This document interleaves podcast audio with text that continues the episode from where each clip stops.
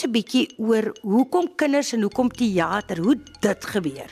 Ek het wou graag gaan drama studeer het. En toe het my pa vir my gesê, jy speel nie in konserte om geld te maak in die lewe nie.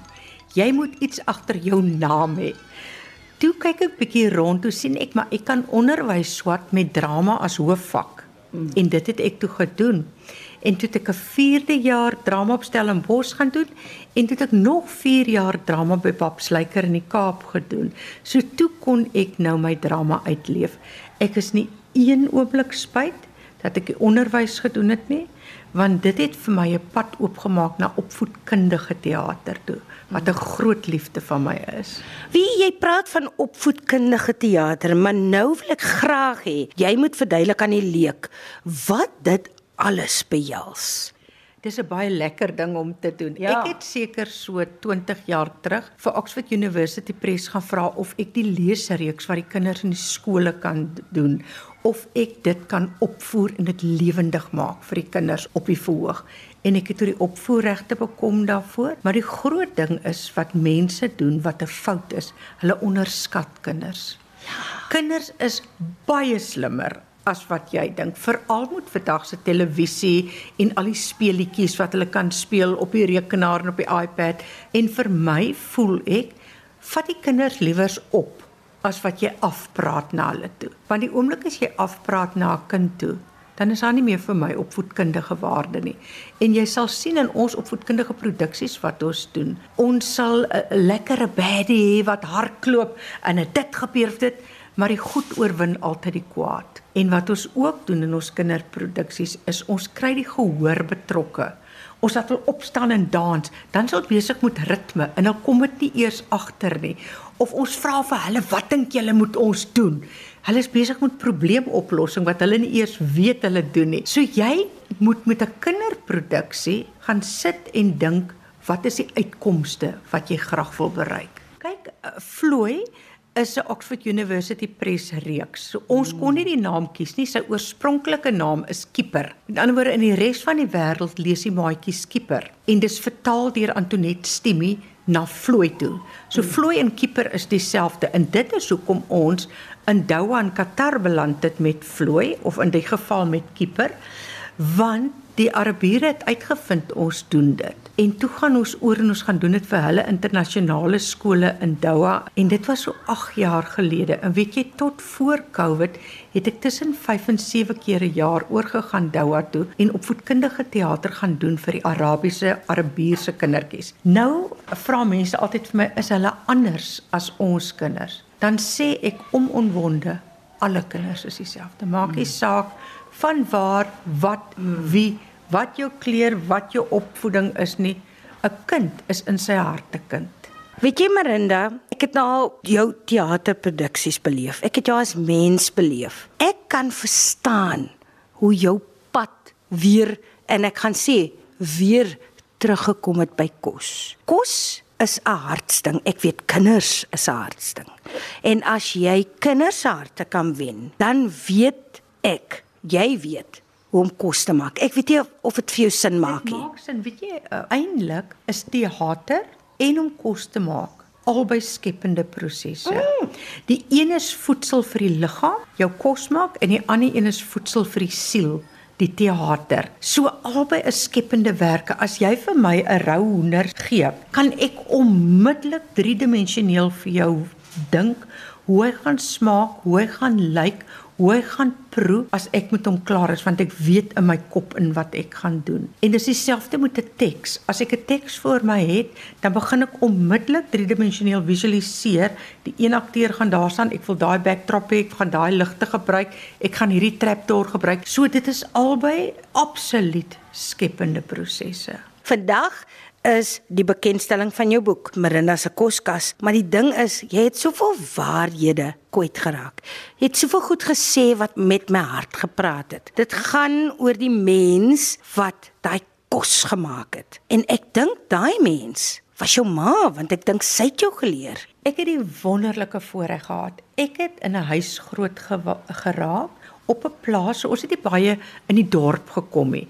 So my maatjies op die plaas, en my ma, my pa, my susters en my broers, dit was my hele verwysingswêreld gewees. En ons het groot geword met vars produkte. So ek ken nie dat my ma gaan aartappels koop in die dorpie. Ons het dan aartappels op die plaas. Of ek ken nie dat my ma gaan eiwe koop. Die eiwe hang aan bo in die dak tussen die doodskus en die sak droë perskes. Verstaan jy? So ek het groot geword in 'n huis wat ons in seisoen gekook het en my ma het regtig dit gebruik as 'n tyd wanneer sy met ons kinders bond. Ek weet nie eers wat die Afrikaanse woord is nie. Ons het gesit by op die tafel en het sy vir ons gesê, "Maar hier's jou bietjie deeg, knie dit gou." En dat ons saam met haar geknie en ons was net so trots soos sy op haar brode wat uitgekom het. Of ons het op so klein trapleertjie gestaan, dan kook sy jam, vye jam of wat ook al. Dan sê sy vir ons, "Wees baie versigtig, maar skep my die skuim af." So ek het in 'n absolute koshuis voor 'n Aga stoof groot geword. Praat nou van die Aga stoof. Ons het nie 'n 'n binnebadkamer gehad nie. Dat my ma voor die Aga stoof in die winter vir ons die groot groot sinkbad gesit en dan het sy vir ons in die bad vir my en my sussie gesit. Dat sy die Aga stoof se deurtjie oopgemaak en ons wessie sa oorgehang dat dit lekker warm is as ons nou uit die bad uitkom. Dat sy ook die rooi kop karring langs ons gesit. Dan sê sy terwyl julle twee nou soos dit karring gou vir my die botter asseblief. So ek het regtig in 'n huis met kos en vars produkte en liefde groot geword.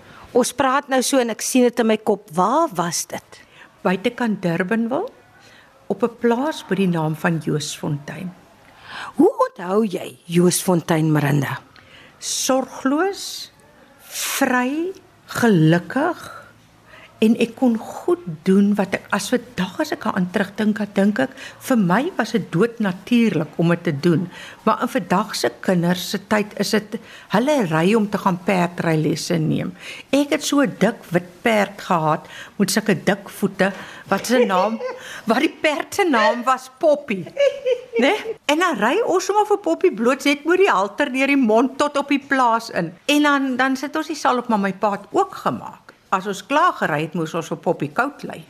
Dis nie 'n ander man se werkie, jy het hom gery. Jy lê vir Poppy koud. Dink jy jou grootword jare het baie te doen met wie Marinda vandag is? Weet jy, ek het in 'n baie nederige, opregtig, eerlike huis groot geword. My pa het altyd vir ons gesê, "Julle hou vir julle plat soos 'n menorah bly." Een van die goed is, jy mag nie alleen vertel nie. Dit was in ons huis verskriklik. Jy jok nie.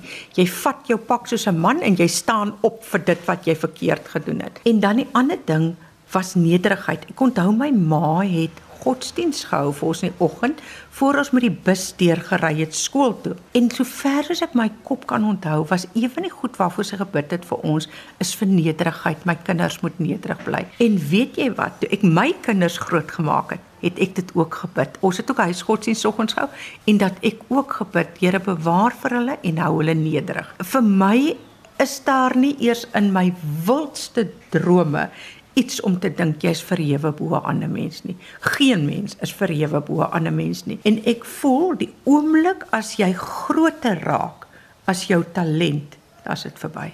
My lewe is eintlik baie geseënd. Ek sal regtig waar baie ondankbaar wees as ek kla. Ek bid elke dag vir my kleinkinders want my kleinkinders is 'n stukkie van my hart wat buite my liggaam klop. My kinders vra nou die dag vir my of ek liewer is vir hulle as vir my eie kinders. Toe sê ek ja, baie liewer vir hulle as vir julle. Ek is vir julle ook lief, maar dit is 'n ander liefde. Ja. Ek is nou besig met twee goed wat wat goed is wat ek regtig graag wou doen. Ek het nou vir 'n mediese maatskappy saam met 'n vriendin 'n kinderboek ontwikkel wat aktiwiteite is wat asma aanspreek onder kinders. En daar gaan nou 100 000 van die boeke versprei word na die skole toe gratis om mense te bewus te maak van asma onder kinders. En dan soos ek op hierdie oomblik sit, dink ek is ek besig met my grootste projek in my lewe. Dis iets wat ek verskriklik graag wou gedoen het. En nou het NB Uitgewers my gesê ek kan dit doen. Ek is besig om 'n kinderkookboek saam te stel. Plus ek skryf 'n storie saam met die kinderkookboek, maar dis nie 'n gewone kinderkookboekie. Elke 4de bladsy is daar 'n eksperiment in. Dis nou die juffrou in my wat uitkom. Met ander woorde, hoe kan jy met 'n eier en asyn vir jou 'n rubberballetjie maak, laat hy hou vir ewig. En dan onder dit skryf ek vir die kind in kindertaal wat het gebeur dat die suur die kalsium afgeëet het aan die doppie. Met ander woorde, die eksperiment is daar en jy kan dit in jou kombuis doen en is veilig, maar ek verduidelik ook vir die kind waaroor dit gaan. En dan het ek lekker kinderresepte. Ek het verwys vir hulle om 'n omelet te maak. Ek het een afdeling wat entrepreneurs is. As ons skool toe gaan met goedjies vat vir entrepreneursdag, dat ek 'n kosblikdag. Dan het ek 'n hoofstuk wat gaan oor hoe om ontbyt te maak vir mamma en pappa. So de en die boek se naam sover is 'n chef sout en professor Pretzel. In chef sout het 'n hond sy naam is Peper, haar ma se naam is Kaneel en uh professor Pretzel het 'n klein draakie wat se naam is Pasta. Ek sê mos altyd my kop is soos 'n Swarovski kristalwinkel binne en 'n ting ting ting ting die hele nag. Ek hou van my volwasse kook wat ek doen, maar my heel grootste liefde is om hierdie goed uit te dink vir kinders, want ek dink wat sal ek gedoen het as ek 'n kind is? Ooh, ek gaan daarvan hou. Daar's een resepie in wat 'n eksperiment is wat vir die kinders leer hoe om ertwurms deur 'n strooitjie te blaas en hulle kan nou ertwurms eet wat aan die kant uitkom. Is dit 'n voltooide sirkel vir jou nou? Weet jy die vraag wat mense gewoonlik my vra as hulle vra hoe oud is ek? Kyk as iemand nou 'n artikel doen oor jou, die eerste ding is want hulle sit dit mos so lank jou naam en hakies. Jep. Dan vra hulle vir my gewoonlik hoe oud is jy? Dan sê ek oud. Wie? Ek. Ek is die outie. Ek het meer energie en krag as wat die meeste jong mense het. Ek dink 'n mens is net so oud soos jy voel. Vir myself voel ek die wêreld lê voor my oop. As jy ten laaste vir jou ma iets wou sê, sy's oorlede? Ja. Wat sou jy vir haar wou sê nou? Ek sal vir haar wil sê ek vat aan wat jy vir my aangegee het. Wat was jou ma se naam? Sarita. My ma was ook 'n nederige vrou. My ma was 'n verskriklike mooi vrou. Sy was beskrikkelike netjiese vrou. En dit was nou een van daai vrouens wie se hande vir niks verkeerd gestaan het nie. En ja, ek wens sy was hier. Ek ook. Dankie Tannie Sarita.